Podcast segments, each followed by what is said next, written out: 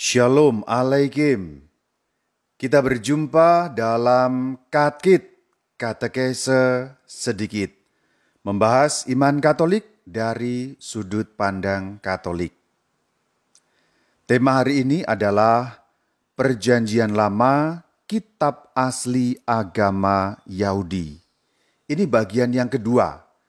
Bagian yang kedua ini berjudul Agama Yahudi Punya Kitab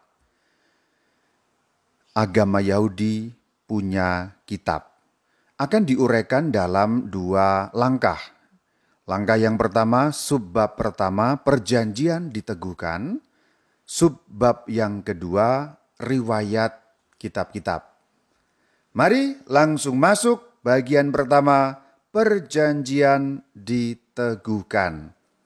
Yang akan kita bicarakan nanti menyangkut kurun waktu dari 1300-an sebelum Masehi, yaitu setelah Musa bersama dengan orang-orang Israel keluar dari Mesir.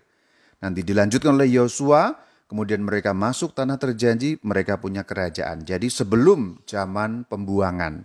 Setelah keluar dari Mesir, sebelum pembuangan. Itu kurun waktunya yang kita bicarakan dalam tema ini. Berikutnya ingat dalam episode yang lalu, Allah yang sama, dalam perjanjian lama kita kenal Allah Abraham, Allah Ishak, Allah Yakub itu ada tiga orang, para bapak bangsa Abraham, Yitzhak atau Ishak, dan Yakov atau Yakub. Abraham, Ishak, Yakub. Maka sering disebut Allahnya Abraham, Allahnya Ishak, Allahnya Yakub. Nah Yakub punya nama lain Israel. Maka Allah yang sama itu juga disebut Allah Israel, Allahnya Israel. Kita harus tahu awalnya Israel itu mengacu pada satu orang saja. Itu hanya mengacu pada Yakub. Jadi Yakub alias Israel. Maka istilah Allah Israel itu Allahnya Yakub satu orang. Tetapi lama-kelamaan dalam perkembangannya, istilah Israel atau nama Israel kemudian menunjuk pada satu bangsa, yaitu bangsa yang diturunkan oleh Yakub, anak keturunan Yakub, anak keturunan Israel maka disebut bangsa Israel. Maka dalam perkembangannya, istilah Allah Israel itu berarti Allahnya bangsa Israel. Nah, penggunaannya dapat kita temukan dalam Keluaran contohnya. Keluaran 5 ayat 1. Kemudian Musa dan Harun pergi menghadap Fir'aun, lalu berkata kepadanya, Beginilah firman Tuhan Allah Israel. Ini zaman Musa. Musa dan Harun tinggal di Mesir Nah, pada saat Musa dan Harun di Mesir itu, keturunannya Yakub sudah banyak sekali karena itu beratus-ratus tahun kemudian maka sudah menjadi bangsa. Jadi istilah Allah Israel dalam Keluaran 5 ayat 1 ini bermakna bangsa Israel, Allahnya bangsa Israel. Contoh yang lain dalam Keluaran 34 ayat 23 berbunyi, Tiga kali setahun segala orangmu yang laki-laki harus menghadap kehadirat Tuhan Allah Israel. Ini pun bermakna Allahnya bangsa Israel, Allahnya umat Israel, Allahnya orang Israel. Kalau kita melihat para bapak bangsa Abraham, Ishak, dan Yakub, perjanjian yang dilakukan Allah dengan Abraham diturunkan kepada Ishak, diturunkan kepada Yakub karena memang sifatnya perjanjian itu engkau dan keturunanmu dalam arti sifatnya uh, sifatnya perjanjian itu juga ikut mengikat anak keturunannya. Tidak hanya berhenti pada Yakub karena anak keturunannya Yakub juga terlibat dalam perjanjian dengan Allah itu, ikut serta berpartisipasi masuk dalam perjanjian dengan Israel, yaitu dengan Yakub. Ceritanya nyambung nyambung nyambung nyambung setelah Musa meninggal ia diteruskan oleh Yosua. Nah, Yosua ini juga penerus perjanjian. Bagian ini saya akan bahas bagaimana Yosua dan bangsa Israel nanti meneguhkan perjanjian. Maka bagian ini diberi judul, sub bagian pertama ini diberi judul perjanjian yang diteguhkan. Oleh siapa? Oleh Yosua bersama dengan orang Israel setelah mereka masuk tanah perjanjian. Perjanjian dengan Musa bersama dengan umat Israel kan di Sinai. Mereka belum masuk tanah perjanjian. Nah Yosua itu diperkenankan masuk tanah perjanjian, sementara Musa tidak. Kita lihat bagaimana kisah Yosua. Jadi sebenarnya kalau kita membuka kitab Yosua bagian-bagian terakhir, itu seperti ada semacam ringkasan yang diuraikan kembali di bagian-bagian terakhir. Ini bagus sekali. Yosua 24, kita mulai dari ayat 1. Cerita ini bagus sekali. Dengan melihat cerita Yosua 24 ayat 1 dan seterusnya, Anda dapat mengetahui sebenarnya bagaimana cerita ringkas perjanjian dengan Allah itu dibangun sampai pada zaman Yosua. Kita lihat ayat 1. Kemudian Yosua mengumpulkan semua suku orang Israel di Sikhem. Mereka berdiri di hadapan Allah. Nah itu sudah ada banyak orang, artinya sudah umat, sudah orang, sudah bangsa. Semua suku berkumpul di Sikhem. Yosua mengumpulkan karena Yosua adalah pemimpin bangsa Israel. Selanjutnya ayat 2 berbunyi, Berkatalah Yosua kepada seluruh bangsa itu, Beginilah firman Tuhan Allah Israel. Dahulu kala di seberang sungai Efrat, di situlah diam nenek moyangmu, yakni Terah, ayah Abraham dan ayah Nahor, dan mereka beribadah kepada Allah lain. Nah ini bagian pertama yang disampaikan Yosua adalah bagaimana para leluhur Israel dulu. Dikatakan, nenek moyangmu, yakni Terah. Nah, yang pertama dianggap nenek moyangnya adalah Terah. Kemudian Abraham. Dikatakan dalam ayat ini mereka beribadah kepada Allah lain. Ya memang betul. Memang betul bahwa Abraham yang waktu itu namanya masih Abraham beribadat kepada Allah lain. Karena apa?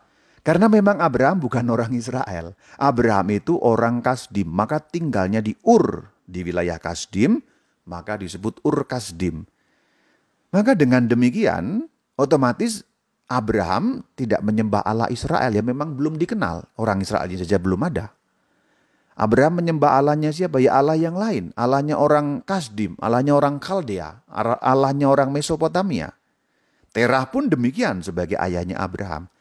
Maka ayat 2 dari kitab Yosua 24 ini mengatakan, mereka yang dimaksud Terah dan Abraham serta Nahor, keluarga Terah maksudnya, mereka beribadah kepada Allah lain. Allahnya orang Mesopotamia, Allahnya orang Babel, Allahnya orang Kaldea. Menarik sekali kan? Ayat 3. Tetapi aku mengambil Abraham bapakmu itu dari seberang sungai Efrat dan menyuruh dia menjelajahi seluruh seluruh tanah Kanaan. Aku membuat banyak keturunannya dan memberikan Isyak kepadanya. Jadi aku di situ Tuhan Allah Israel mengambil Abraham, memanggil maksudnya dari seberang sungai Efrat di daerah Kasdim Mesopotamia itu supaya masuk ke tanah Kanaan. Dan memang diberi keturunan Ishak itu pertama yang lahir baginya sesuai dengan janji Allah. Ismail lahir sebelumnya tapi tidak sesuai dengan janji Allah. Selanjutnya, ini sejarahnya masih lanjut. Ayat 4. Kepada Ishak ku berikan Yakub dan Esau. Kepada Esau ku berikan pegunungan Seir menjadi miliknya, sedang Yakub serta anak-anaknya pergi ke Mesir. Nah, itu kata kuncinya. Yakub pergi ke Mesir. Ishak punya anak Esau, Esau tidak ditinggalkan, diberi tempat di pegunungan Seir, Yakub diberi tanah Kanaan tapi kemudian menyingkir ke Mesir. Kita sudah tahu ceritanya pada episode yang lalu. Dari Mesir ratusan tahun kemudian Musa diutus. Ayat 5 diceritakan. Lalu aku, Allah Israel, mengutus Musa serta Harun untuk menul dan menulahi Mesir, seperti yang kulakukan di tengah-tengah mereka. Kemudian aku membawa kamu keluar. Kita tahu orang Israel keluar dari Mesir. 40 tahun muter-muter di padang gurun sampai yang keluar dari Mesir mati semua, tinggal anak keturunannya. Selanjutnya, ayat 6. Setelah aku membawa nenek moyangmu keluar dari Mesir dan kamu sampai ke laut, lalu orang Mesir mengejar nenek moyangmu dengan kereta dan orang berkuda ke laut Teberau. Kemudian laut dibelah. Keliling di padang gurun akhirnya sampai di daerah seberang sungai Yordan. Ayat 8. Aku membawa kamu ke negeri orang Amori yang diam di seberang sungai Yordan. Dan ketika mereka berperang melawan kamu, mereka kuserahkan ke dalam tanganmu, sehingga kamu menduduki negerinya. Jadi orang Israel pada waktu itu sudah dibawa oleh Yosua karena Musa sudah meninggal. Nah mereka masuk tanah Kanaan tidak dari sisi barat atau dari sisi selatan. Padahal sebenarnya saudara-saudari, kalau kita keluar dari Mesir mau masuk tanah Kanaan, ya paling cepat sisi barat, barat selatan ya, barat apa? Barat daya. Atau dari sisi selatan karena barat persis itu laut. Tetapi bukan dari timur karena timur itu daerah yang lain. Tetapi anehnya Ketika Yosua membawa orang Israel masuk tanah terjanji, mereka masuk dari seberang sungai Yordan. Nanti masuk kota pertama yang bernama kota Yeriko. Kota Yeriko agak ke sebelah timur Yerusalem. Jadi itu ke timur lagi sampai seberang sungai Yordan. Nyebrang sungai Yordan baru mereka masuk Yeriko kemudian menyerang kota itu. Yang pertama diberikan Tuhan kepada orang Israel. Maka dikatakan aku membawa kamu ke negeri orang Amori. Nah di situlah orang Amori yang diam di seberang sungai Yordan. Nah orang Amori, tempatnya orang Amori kalau zaman sekarang kurang lebih negara Yordania. Nah dulu negara Yordania belum ada, tetapi untuk masa sekarang seberang sungai Yordan ya wilayahnya kurang lebihnya lah. Kurang lebihnya negara Yordania modern ini. Jadi mereka dari sana. Masuknya ke tanah terjanji. Ayat 11 sebelum, eh, setelah itu. Setelah kamu menyeberangi sungai Yordan dan sampai ke Yeriko, berperanglah melawan kamu warga-warga kota Yeriko, tetapi mereka itu kuserahkan ke dalam tanganmu. Nah inilah, kota Yeriko itu yang pertama diserahkan Tuhan kepada orang Israel. Tidak dengan senjata, karena pada waktu itu Yeriko itu berbenteng keliling seperti kota-kota zaman dulu. Saudara-saudara di kota zaman dulu selalu ada benteng keliling. Maka disebut benteng kota, maka Allah disebut kota bentengku. Tuhan bentengku karena mengacu pada zaman kuno. Pada zaman kuno kota selalu berbenteng untuk menjaga keamanan. Pagi dibuka portalnya, gerbangnya, malam ditutup sehingga tidak ada penjahat, perampok, segala macam yang berniat jahat bisa mengganggu warga kota. Maka kota Yeriko juga bertembok kota seperti itu. Sulit ditembus, apalagi waktu itu orang Israel ya orang-orang biasa bukan bala tentara. Apa yang terjadi? Suruh keliling kota hanya disuruh keliling kota. Keliling kota membawa tabut perjanjian, imam-imam, kemudian berbaris disusul seluruh orang Israel. Kota dikelilingi setelah beberapa hari, hari ketujuh, hari ketiga, hari ketujuh, kemudian mereka bersorak, wah kota itu ambruk bentengnya. Nah itu cerita singkatnya. Kita lanjut, kita tidak akan bahas kota Yeriko. Ayat 13. Demikianlah ku berikan kepadamu negeri yang kamu peroleh tanpa bersusah-susah. Memang betul, tanpa bersusah-susah karena Tuhan yang memberikannya. Ayat 14. Oleh sebab itu takutlah akan Tuhan dan beribadahlah kepadanya dengan tulus ikhlas dan setia. Jauhkanlah Allah yang kepadanya nenek moyangmu telah beribadah di seberang sungai Efrat dan di Mesir dan beribadahlah kepada kepada Tuhan. Jadi ayat 14 itu dikatakan, dalam ayat 14 dikatakan, oleh sebab itu, sebab apa? Sebab sejarah yang tadi itu. Sebab perjanjian-perjanjian yang dari semula Abraham, Ishak, Yakub. Kemudian diceritakan sejarahnya tadi itu bagaimana Tuhan memberikan tanah kepada mereka, memberikan keturunan kepada mereka, menjaga mereka di padang gurun. Oleh sebab itu, sebab sejarah yang tadi itu, sebab perjanjian yang sebelumnya tadi itu. Maka dikatakan takutlah kepada Tuhan, Tuhan Allah Israel. Tuhan dalam ayat 14 ini, Tuhan dengan huruf kapital semua yang artinya apa? Itu YHWH. YHWH itu Allah Israel. Allahnya bangsa Israel. Adonai dibacanya. YHWH dibacanya Adonai. Jadi dikatakan beribadahlah Lalu ada kalimat selanjutnya, jauhkanlah Allah lain, yaitu Allah nenek moyang. Yang mana? Di seberang sungai Efrat, Allahnya orang Mesopotamia, Allahnya orang Babel, Allahnya orang Kasdim. Jangan nyembah itu. Dan di Mesir, Allahnya orang Mesir, Dewa Ra misalnya, Dewa Dewi Mesir. Lalu dikatakan penegasan, beribadahlah kepada Tuhan. Karena apa? Karena memang pada zaman itu bangsa Israel masih belum terlalu setia. Di padang gurun saja beberapa kali mereka berkhianat. Ayat 15. Tetapi jika kamu anggap tidak baik untuk beribadah kepada Tuhan, pilihlah pada hari ini kepada siapa kamu akan beribadah. Allah nenek moyangmu di seberang sungai Efrat atau Allah orang Amori. Tetapi aku, akunya Yosua, dan seisi rumahku, kami akan beribadah kepada Tuhan. Nah di sini Yosua menantang, menantang, menanting. Karena menantang bukan untuk berkelahi, tapi menantang untuk melihat kesungguhan bangsa itu. Dikatakan kalau kamu tidak merasa baik beribadah kepada Tuhan, dikatakan begitu ya. Coba pilih pada hari ini. Kamu mau pilih Allah yang mana? Mau pilih Tuhan yang mana? Allahnya orang sungai Efrat, Allahnya orang Mesopotamia, Allahnya orang Babel, Allahnya orang Amori, Allahnya orang Mesir, atau Allah yang mana terserah. Pilih sendiri. Kata Yosua seperti itu. Tetapi aku, Yosua dan rumahnya, keluarganya, keluarga besarnya tentu saja, Yosua mengatakan aku memilih beribadah, menyembah berarti. Beribadah itu artinya menyembah. Ibadah itu dari kata abudah, abudah dari kata abdi. Jadi beribadah itu menjadikan diri kita abdi. Berarti sebenarnya kalau kita beribadah itu menjunjung tinggi Allah di atas kita, Tuhan skala Tuhan, Raja skala Raja. Maka beribadah artinya membuat diriku menjadi abdi di hadapan Tuhan segala Tuhan. Jadi kalau Yosua mengatakan kami akan beribadah kepada Tuhan, kami akan menjadikan diri kami hamba-hambanya Tuhan, Allah Israel. Jadi Allah Israel menjadi Tuhan di atas segala Tuhan bagi Yosua. Jawaban orang Israel apa? Mari kita lihat ayat 16. Lalu bangsa itu menjawab, "Jauhlah daripada kami meninggalkan Tuhan untuk beribadah kepada Allah lain," katanya. Begitu. Jadi mereka memilih Tuhan dengan demikian. Ketika Yosua menanting mereka, Yosua mengatakan, "Aku tetap setia kepada Allah Israel. Bagaimana dengan kamu?" Bangsa itu menjawab, "Kami juga memilih Allah Israel." Nah, itu ayat 16. Ayat selanjutnya penegasan. Kemudian berkatalah Yosua, ini ayat 22 ya. Yosua 24 ayat 22.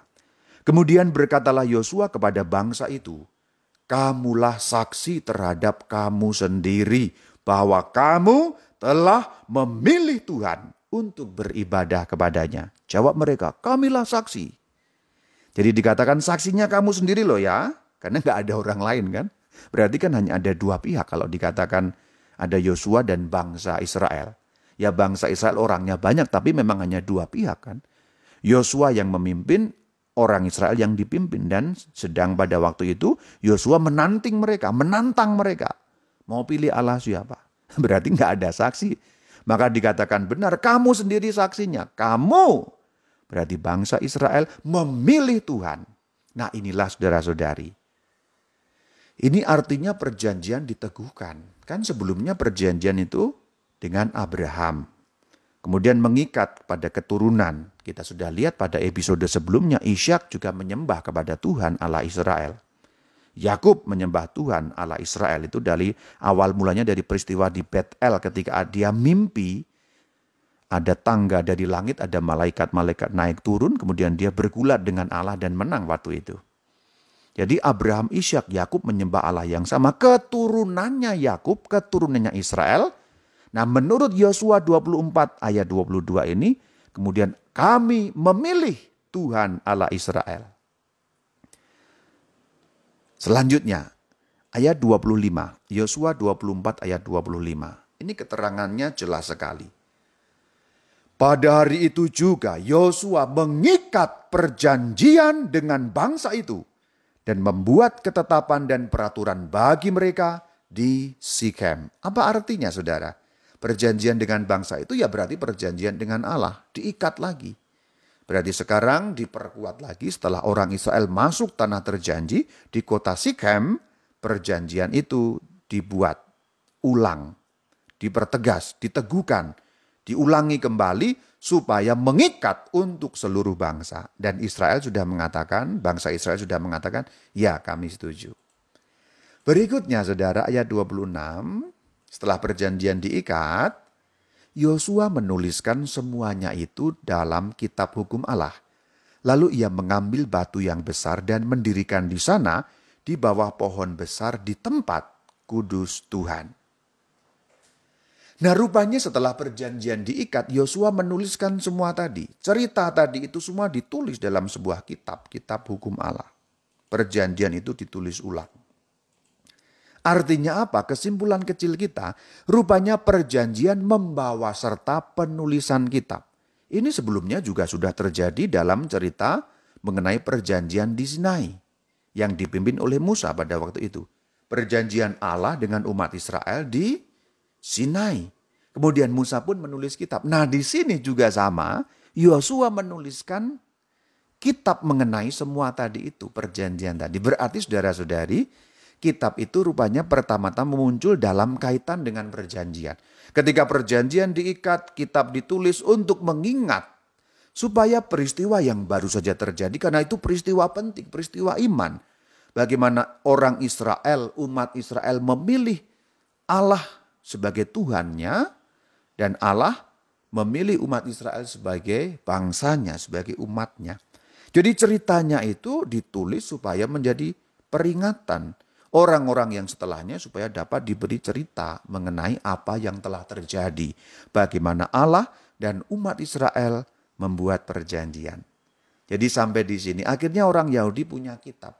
Tapi harus kita ingat sampai zaman Yosua kitab-kitab yang mereka punyai masih sangat terbatas. Kita tahu saudara-saudari bahwa saya menyebut dalam episode yang lalu Musa menulis dalam notes-notes, bukan notes buku seperti yang kita bayangkan, tapi dalam catatan-catatan yang belum berupa kitab utuh.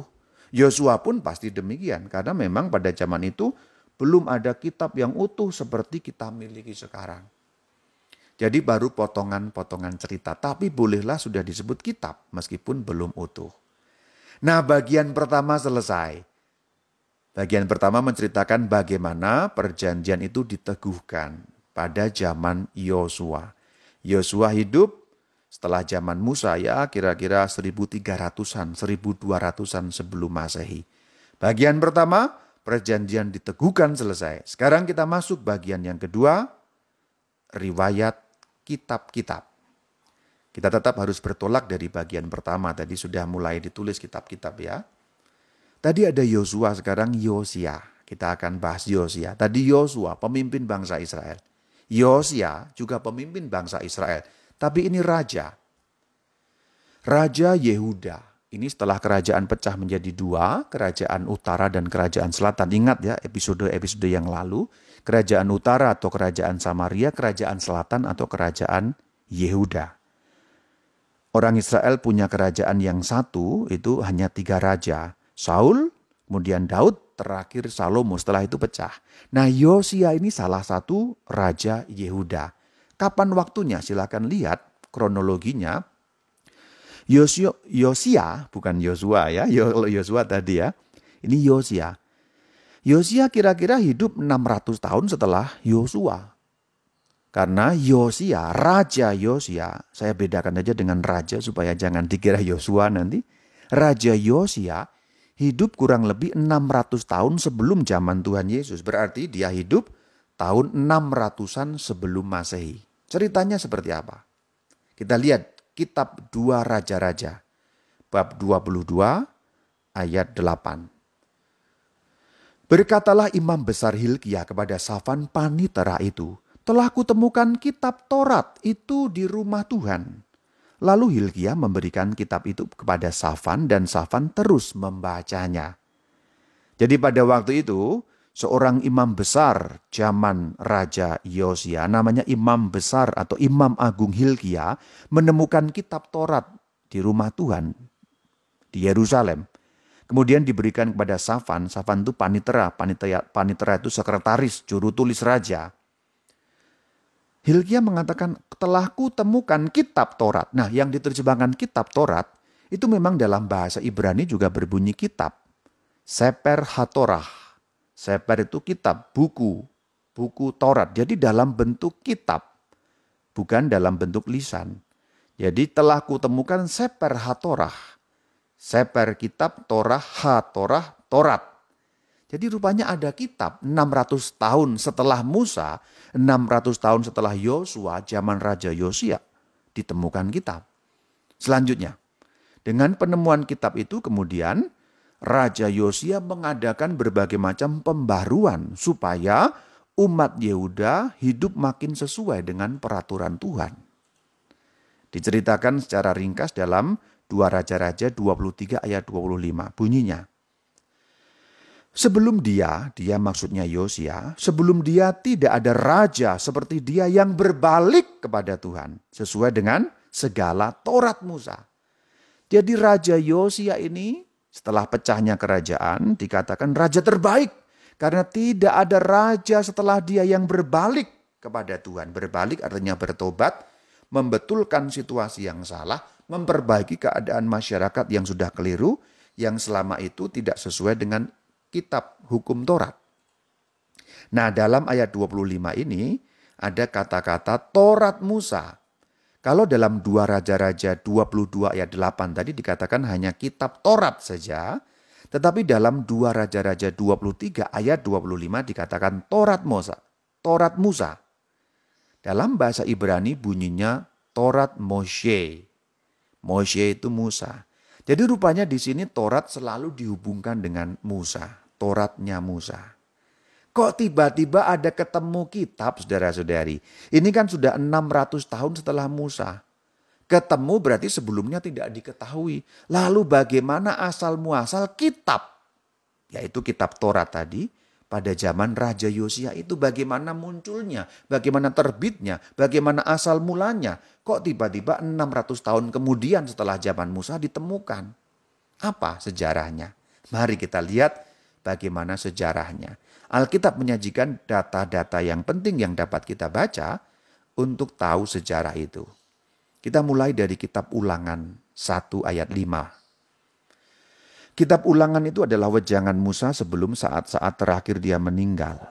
Kita baca ulangan 1 ayat 5. Di seberang sungai Yordan, di tanah Moab. Nah, tanah Moab ya. Mulailah Musa menguraikan hukum Taurat ini katanya. Dikatakan hukum Taurat. Menguraikan berarti menyajikan secara lisan. Berarti ulangan 1 ayat 5 ini ketika bicara mengenai Taurat yang disampaikan diuraikan Musa itu kurang lebih ya lisan tetapi dalam ulangan 27 ayat 8 ada mulai tulisan. Bunyinya, Selanjutnya haruslah engkau menuliskan pada batu-batu itu segala perkataan hukum Taurat itu dengan jelas dan terang. Jadi rupanya kitab Taurat belum ada tapi ditulis pada batu. Nah itu loh saudara. Belum ada seperti yang kita kenal sekarang. Tadi Musa menguraikan hukum Taurat belum dalam wujud kitab, sekarang diperintahkan supaya kitab, eh, bukan kitab, supaya hukum Taurat itu ditulis pada batu. Jadi rupanya ditulis pada lempeng-lempeng batu.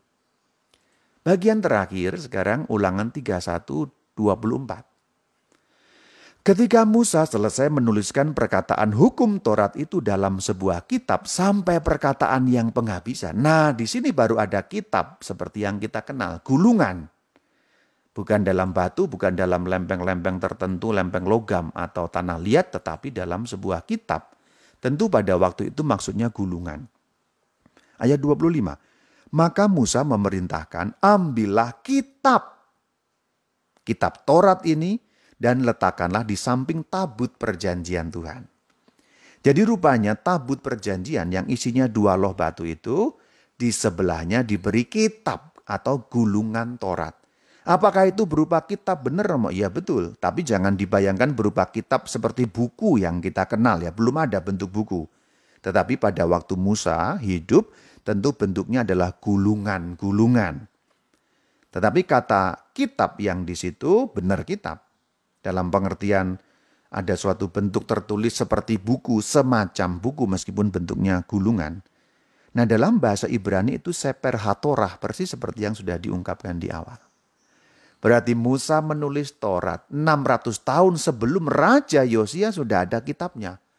Maka sangat wajar ketika 600 tahun kemudian ditemukan seakan-akan terpelihara tanpa orang mengetahui bagaimana kitab itu nasibnya dan disimpan di mana dan sebagainya.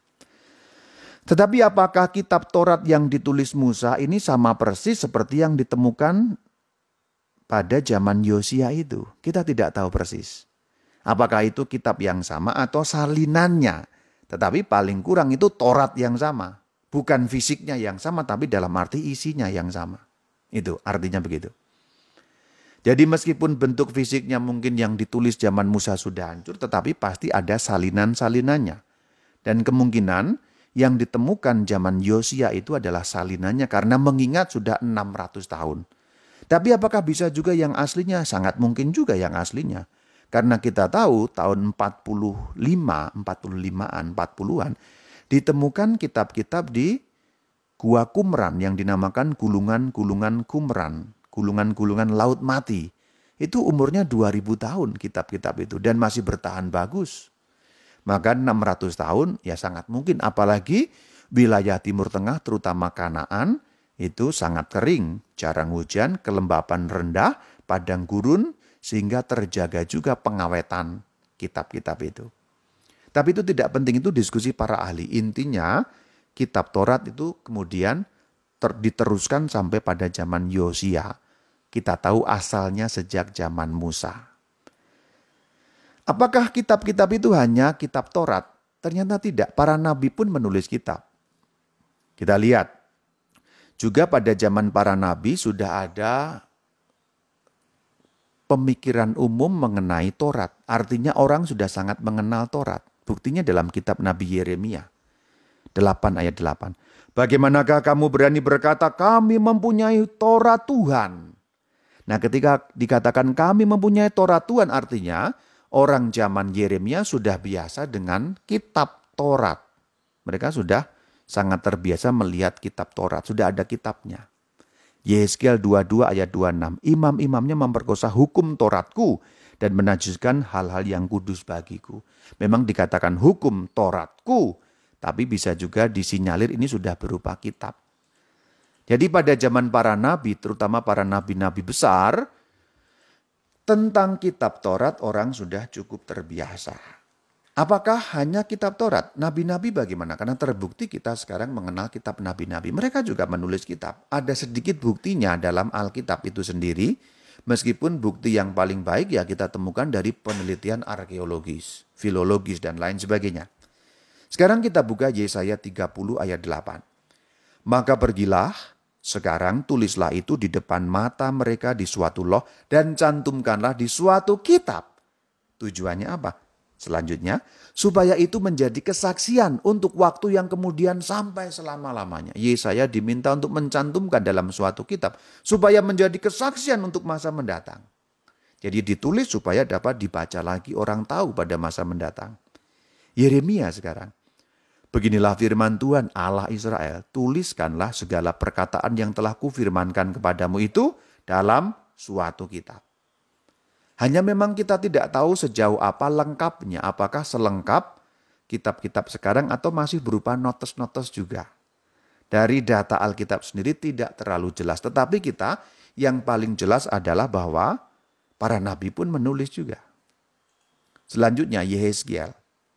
Yeskel 43 ayat 11.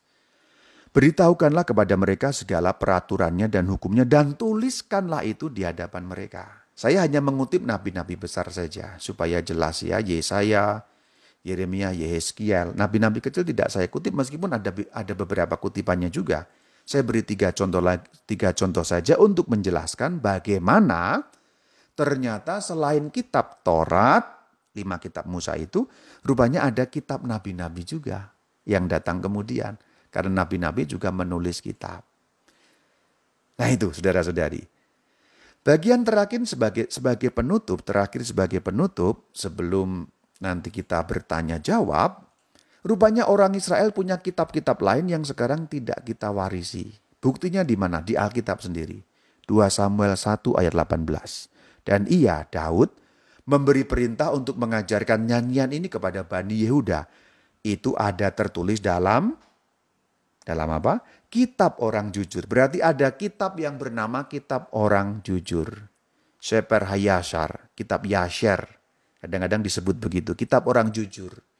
Kita nggak tahu lagi kitab itu yang mana. Selanjutnya, satu Raja-Raja 11 ayat 41. Selebihnya dari riwayat Salomo dan segala yang dilakukannya dan hikmatnya, bukankah semuanya itu tertulis dalam kitab riwayat Salomo? Berarti ada kitab yang khusus menuliskan riwayat Salomo yang berjudul Kitab Riwayat Salomo, biografi Salomo. Kita tidak punya lagi. Satu Raja-Raja 14 ayat 19. Kemudian itu nyambung ayat 29. Selebihnya dari riwayat Yerobeam, bagaimana ia berperang dan bagaimana ia memerintah, sesungguhnya semuanya itu tertulis dalam kitab sejarah Raja-Raja Israel. Berarti ada kitab sejarah Raja Israel, Raja-Raja Utara. Kita tidak punya lagi. Ayat 29. Selebihnya dari riwayat Rehabeam dan segala yang dilakukannya, bukankah semuanya itu tertulis dalam kitab sejarah Raja-Raja Yehuda? Berarti ada kitab Salomo, dalam arti kitab riwayat, kitab biografi Salomo, ada kitab orang jujur, ada kitab sejarah Raja Israel, Raja Utara, ada kitab sejarah Raja Israel, Raja-Raja Selatan. Itu contoh-contoh kitab lain yang kita tidak warisi lagi, yang tidak masuk dalam Alkitab juga. Jadi rupanya di luar kitab Taurat, ada kitab Nabi, ada kitab-kitab lain. Jadi ada tiga golongan kalau dikatakan begitu gampangnya. Golongan Taurat yang ditulis Musa, Kemudian golongan nabi-nabi yang ditulis para nabi dan golongan kitab-kitab yang lain di luar Taurat dan di luar nabi. Nah demikian saudara-saudari. Jadi kemudian akhirnya Yahudi punya kitab tapi memang belum dibendel dan belum jelas dan belum dianggap kitab suci. Tapi memang disucikan, disakralkan, dikeramatkan kitab-kitab itu. Nah cerita ini sebenarnya sampai pada tahun 586 sebelum masehi. Artinya semua yang kupaparkan, kubeberkan ini terjadi sebelum pembuangan. Bagaimana setelah kehancuran Yerusalem tahun 58 sebelum Masehi, nanti ada cerita tersendiri. Bagaimana kitab-kitab itu setelah pembuangan, bagaimana disusun ulang, ditulis lagi. Kemudian ada kitab-kitab yang lain yang belum masuk di mana-mana kitab Rut itu masuk mana contohnya sebagai satu contoh saja bagaimana terjadinya, bagaimana dikumpulkan, bagaimana diterjemahkan, bagaimana dipakai. Nah, kita simak dalam episode selanjutnya. Untuk bagian ini, agama Yahudi punya kitab. Selesai. Shalom alaikum. Waalaikum shalom.